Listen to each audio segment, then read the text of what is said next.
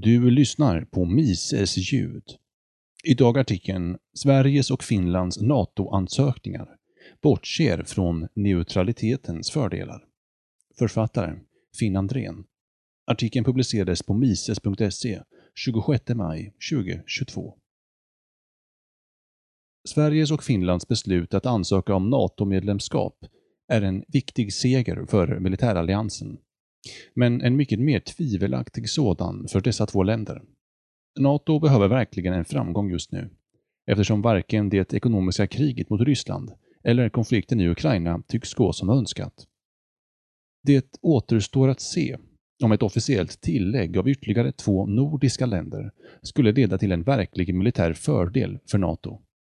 Men det skulle åtminstone innebära en tydlig public relations-vinst. Det skulle dock istället kunna förvandlas till en PR-katastrof för de västerländska makterna, och inte minst för Sverige, om Turkiet vägrar släppa in Finland och kanske främst Sverige i organisationen. Som så ofta under de senaste åren väljer Turkiet att följa sina egna intressen, ofta en väg halvvägs mellan Förenta Staterna och Ryssland. Med tanke på NATOs och dess enskilda medlemmars euforiska tillkännagivanden av de finska och svenska ansökningarna verkar det dock möjligt att Turkiet så småningom kommer att gå med på dessa medlemskapsansökningar, men endast efter att ha fått igenom flera av dess hårda krav. I vilket fall som helst har denna saga återigen avslöjat amatörismen och bristen på förberedelse hos de västerländska politiska ledarna. Det är tveksamt om Sveriges och Finlands militära säkerhet skulle öka om de blir medlemmar i NATO. Tvärtom. Till att börja med så är det berömda artikel 5-skyddet i NATO-stadgan i själva verket ingen garanti för militärt bistånd från medlemsstaterna till det land som kanske skulle behöva det. Den säger endast att medlemmarna tar “action as deems necessary, including the use of armed force to restore and maintain the security”. Det verkar naivt och orealistiskt att tro att NATO, och i synnerhet de opolitliga Förenta Staterna, skulle engagera sig militärt om en konflikt skulle bryta ut mellan, låt oss säga, Finland och Ryssland. Om Sverige och Finland skulle begränsa antalet NATO-trupper och NATO-infrastruktur på sitt territorium, precis som de baltiska staterna, skulle säkerhetssituationen i Europa förmodligen inte förvärras, även om NATO inte skulle vinna mycket strategiskt på deras medlemskap.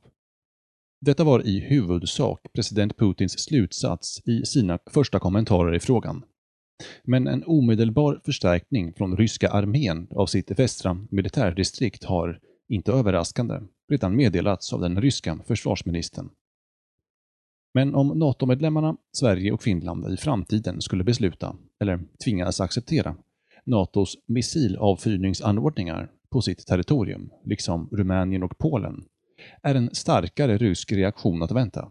Om planer skulle uppstå för en potentiell offensiv NATO-militärbas i finska Lappland, mindre än 200 kilometer från ryska flott och flygbaserna i Murmansk, skulle hela Nordeuropas säkerhetsbalans rubbas.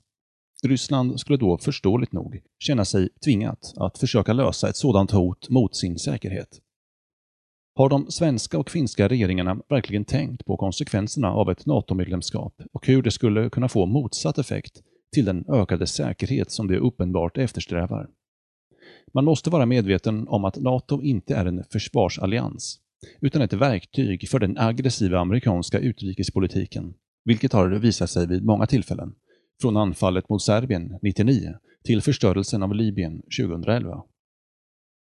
Sveriges och Finlands neutralitet.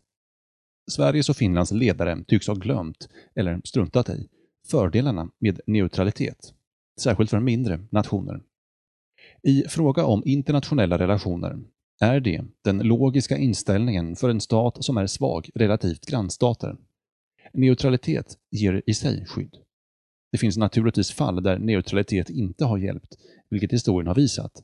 Men historien har också visat att neutralitet ofta har fördelar för det som utövat den.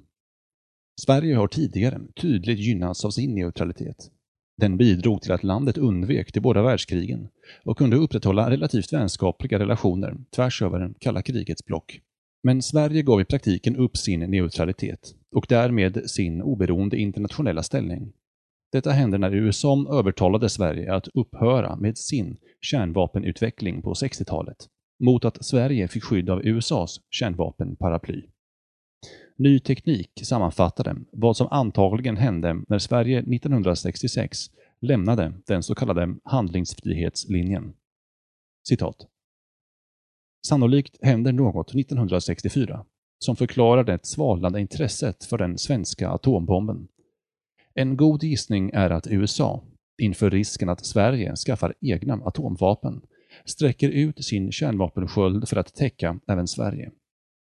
Uppgifter om detta är kvalificerat hemliga, men en överenskommelse kan ha inneburit att USA lovar att skydda Sverige i händelse av ett kärnvapenkrig.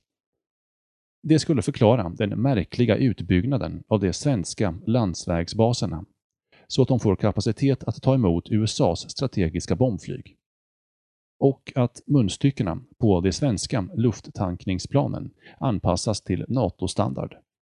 Det förklarar också varför de amerikanska underrättelserapporterna, som tidigare varnat för Sveriges kärnvapensatsning, plötsligt tonar ner risken. Slutcitat. Sedan 90-talet, med kalla krigets slut, har Sverige legat klart i USAs folla, vilket inte verkar ha stört det svenska folket nämnvärt. Sveriges militära medverkan i krigen i Afghanistan och Libyen borde kanske ha chockerat fler svenskar, särskilt med tanke på att dessa handlingar stred så grovt mot den historiska, om än urholkade, neutraliteten. För Finland var nog neutraliteten ännu viktigare eftersom den säkrade Finlands oberoende efter andra världskriget och möjliggjorde fredliga relationer med Sovjetunionen i flera decennier. Som framtida NATO-medlem skulle Finland möjligtvis bryta mot sitt fredsavtal med Ryssland från 1992, som ersatte avtalet från 1948 med Sovjetunionen. Det finns inga bevis för att Ryssland har haft någon avsikt att bryta mot dessa nästan 80-åriga fredsavtal. Som neutrala länder hade Sverige och Finland dessutom en relativt stor vikt i internationella frågor, till exempel som medlare i konflikter eller som värdar för toppmöten. Detta kommer antagligen att bli svårare för de framtida NATO-medlemmarna Sverige och Finland. Som den politiska analytikern Anatolij Lieven skrev, citat, By joining NATO, Finland is throwing away whatever remote possibility exists of playing a mediating role between Russia and the West not just to help bring about an end to the war in Ukraine, but at some point in the future to promote wider reconciliation. Slutcitat. Neutralitetens fördelar. Neutralitet är den naturliga ställningen för ett mestadels fritt samhälle, med en stat som är liten i storlek och räckvidd. En sådan stat, som tillåter betydande ekonomisk och politisk frihet, skulle varken ha rätten, resurserna eller intresset av att projicera makt utanför sina gränser och leda en aggressiv utrikespolitik. Dess huvudsakliga roll skulle vara att skydda privat egendom inom de områden som den kontrollerar, inklusive från möjliga utländska angripare, samtidigt som den inte skulle blanda sig i utländska konflikter. Det är relevant att erinra sig om Murray Rothbards artikel från 1994, Just War, där han påminde att neutralitet brukade vara en hörnsten i internationell rätt. Citat. In a theory which tried to limit war, neutrality was considered not only justifiable but a positive virtue. Neutral states had rights which were mainly upheld, since every warring country knew that someday it too would be neutral. A warring state could not interfere with neutral shipping to an enemy state. Neutrals could ship to such an enemy with impunity all goods except contraband, which was strictly defined as arms and ammunition, period. Wars were kept limited in those days, and neutrality was extolled. Slutcitat. Detta innebär naturligtvis att en stat som skickar vapen och ammunition till en krigsförande stat och som dessutom deltar i ett ekonomiskt krig mot en annan stat, inte kan betraktas som neutral i denna klassiska syn på internationell rätt. Detta är fallet idag när det gäller Sveriges och Finlands handlingar mot Ryssland, vilket inte är särskilt förvånande, eftersom de i själva verket, som påpekats ovan, egentligen inte varit neutrala på flera decennier. Idag prisas inte längre neutraliteten i internationella relationer. Tvärtom. Som Rothbard fortsatte, citat, In the modern corruption of international law that has prevailed since 1914, neutrality has been treated as somehow deeply immoral. Slutcitat. Länder har fått känna av att de inte är moraliskt rättstående när de inte väljer en sida i en konflikt. Eller till och med om de inte bidrar till krigsinsatsen hos en av de krigsförande makterna. Det finns inte mycket politiskt utrymme kvar för neutralitet idag eftersom regeringar känner sig frestade eller tvingade att förbinda sig i kollektiva säkerhetsarrangemang, till exempel genom NATO och nu även EU. Detta tryck har nu blivit kristallklart i och med konflikten i Ukraina, eftersom USA och EU öppet har försökt både övertala och tvinga länder runt om i världen att välja sida mot Ryssland i en konflikt som i allmänhet inte berör dem. Även om Österrike till viss grad har stått emot detta politiska tryck genom att välja att förbli officiellt neutralt, så har Sverige och Finland vikit sig.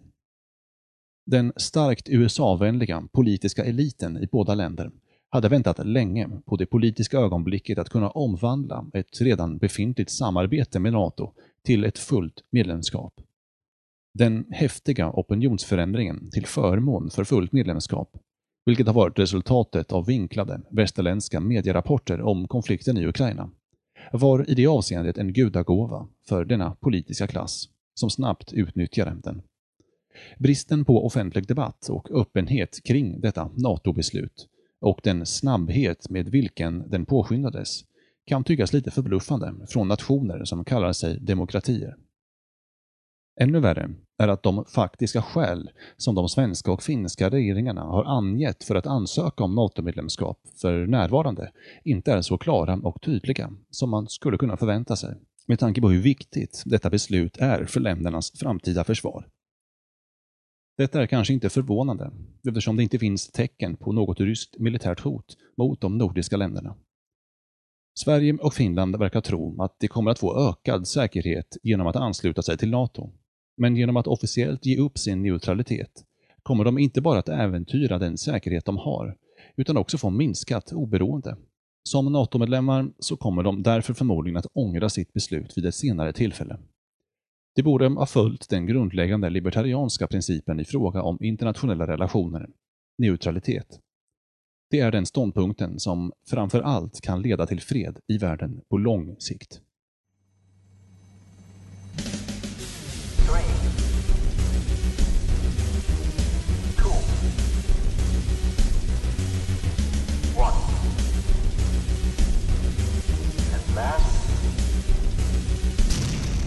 Don't put your trust in politics.